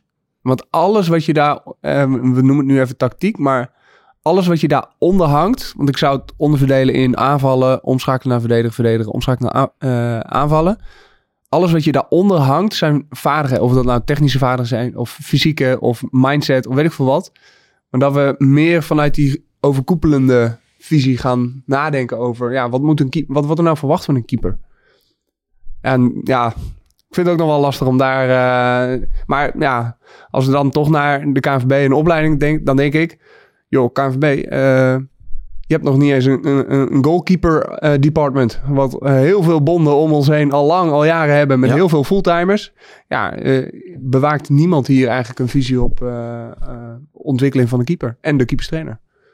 Dus ik denk dat daar misschien ook wel wat winst te behalen is. Ja, volgens mij zijn bij alle jeugdelftallen ook allemaal jongens part-time. Ja, in mijn beleving Ja. kan dat niet. Nou ja, en ik, ik, ik, ik weet en ik ken de verhalen ook van eh keeperstrainers die werken bij jeugdopleidingen. er is niemand die iets over hen zegt, over hun functioneren. De hoofdopleiding heeft er geen verstand van. de trainers zijn te druk. En wie bewaakt nou eigenlijk de visie op het opleiden van keepers? Ja, en dat is eigenlijk niemand. Iedereen is bezig met trainen, trainen, trainen, trainen. Maar ja, om dat echt gestructureerd neer te zetten, ja, daar, daar is nog wel een wereld te winnen. Denk te halen. Dat denk ik ook. Dat denk ik ook. Mooi om eh, eh, dat, dat voorzetje van jou eh, te hebben. En ik denk dat dat wel... ehm, Stof ja, tot misschien, nadenken. Ja, stof tot nadenken is, maar Ja. misschien ook wel een rol voor jou in, in weet ik veel, regio Groningen. Om, eh, of in ieder geval binnen je club, eh, daar eh, aanzetten tot te geven. En zo een beetje die olievlek eh, te vergroten. Nou ja, we Dat, binnen de club natuurlijk al wel mee bezig. En eh, ook richting de jeugdopleiding. Ja, Want eh, nou ja, in het begin dacht ik ook dat het toeval was dat, eh, dat de keepers altijd wel redelijk presteerden. ja. Maar eh, Komt er wel wat bij kijken dan. ja, en, en, ze, en ze blijven het jaar op jaar allemaal doen, de jongens waarmee ik werk. Dus, dus ergens eh, moet aan die structuur eh, wel iets kloppen. Ja, ah, dat doe je goed. En Dat, ik, ik vind een goede keepers trainen, want we hadden het net even over. Wij zijn de sluitpost op de begroting. Daar wil- wordt nooit veel geld Klopt. aan uitgegeven. Maar uiteindelijk moeten wij gewoon geld op kunnen leveren. Ja. En als we dat goed doen, ja, dat, dan, dat, dat is toch wat de club uiteindelijk weer wil. Absoluut. Nou, dat heb jij bij Mechelen en bij Eagles in ieder geval gedaan. Met eh, transfers van, eh, van Van Rips en eh, Van Gorten. Dus eh, wie weet dat Leeuwenburg... Noordveld ging ook weg, hè, bij Heerenveen. een Noordveld en naar, Mulder werd ook speler van het jaar en een jaar later naar Swansea. Nou, kijk eens aan. Die eh, schrijven we allemaal op. Dat, eh, top, mooi, mooi om te weten. Ja, dat is eh, zeker wel. Want uiteindelijk, ja, je record van keepers is, zegt echt niet alles over eh, je staat van niet als keeperstrainer of over je kwaliteiten. Maar soms ook wel. En dat, eh, ja, ben ik niet dus- helemaal met je eens. nou ja, Ik, ik vind, eh, waaraan kun je een goede keeperstrainer herkennen? Nou, dat- ik vind wel als je structureel zorgt dat je keepers goed presteren. ja, dat Ja. is wel een... eh, en daar een wordt, aspect. daar wordt niet altijd naar gekeken. nee, En dat Kan vind ik ook, eh, ja, vind ik ook wel eens verwonderenswaardig. ja, mooi. Ja. We, gaan, eh, we gaan afronden. We zitten al ruim op een, eh, op een uur. Dus eh, voor de luisteraars die er nog zijn, hartstikke, Harm, ik hartstikke nog- fijn. Ik heb nog één klein dingetje. Ja, vertel. Uh, ik werd erop gewezen door een trouwe volger. Uh, wij hadden in de uitzending, net uh, voor het uh, oude jaar was het nog, met uh, Dennis Gentenaar, hadden Ja. we een prijsvraag. Ja. Even, ik check even, misschien weet jij, weet jij welke Nederlandse spits de wereldbeker met Dortmund heeft gewonnen? Harry Dejever? Kijk, Ja. hij heeft het op een rijtje. En uh, ik heb, uh, ben zo vrij geweest om van de goede inzending op Twitter even een winnaar te trekken. Kijk eens aan. Ja, en dat is uh, gewonnen, geworden Herbert Groot. En, en, en, en wint Herbert ook nog iets? Herbert die wint een paar keepershandschoenen naar keuze. Dat heb ik, uh, sorry, ik heb dat zelf maar eventjes uh, gedaan. Want ik, ik werd erop gewezen van... joh, jullie hebben die prijs nog niet uh, weggegeven. Maar ja, Herbert was de eerste die goed reageerde op, op Kijk eens aan. Twitter. Dus Herbert bij deze. Uh, Is dat met vaseline? Ja, ja, ja met vaseline. Ja, maar die kun je ook gewoon bij de etels halen. Dus Dat dat is waar, dat, is weer, uh, dat scheelt weer een stuk. Dus uh, Herbert van harte gefeliciteerd. En uh, ik zou zeggen, neem contact uh, met ons op. En dan uh, zorg ik dat die uh, prijs bij jou te Nou, ik ben benieuwd of Herbert aan de bel trekt. Want dat is wel uh, een prijsje die je even mag uitzoeken, toch? Zeker. Maar knap dat jij het wist ook. Ja, oud collega van me. Oh, Ah, kijk, kijk, dat heb je als je zo'n cv hebt. Ja. Mooi. Harmen, dankjewel. Uh, luisteraars, dank voor het luisteren. Uh, je weet ons te vinden. Volg ons ook op uh, Spotify, op ehm, Apple Podcast. Uh, dan komen de uh, afleveringen uiteraard automatisch in je feed.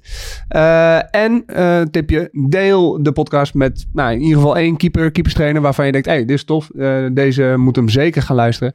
Uh, dan, nou, we hadden het net over een klein olie olievlekje. Dan hopen wij ook weer uh, meer keepers en keeperstrainers te inspireren. Dank nogmaals voor het luisteren en uh, tot de volgende podcast.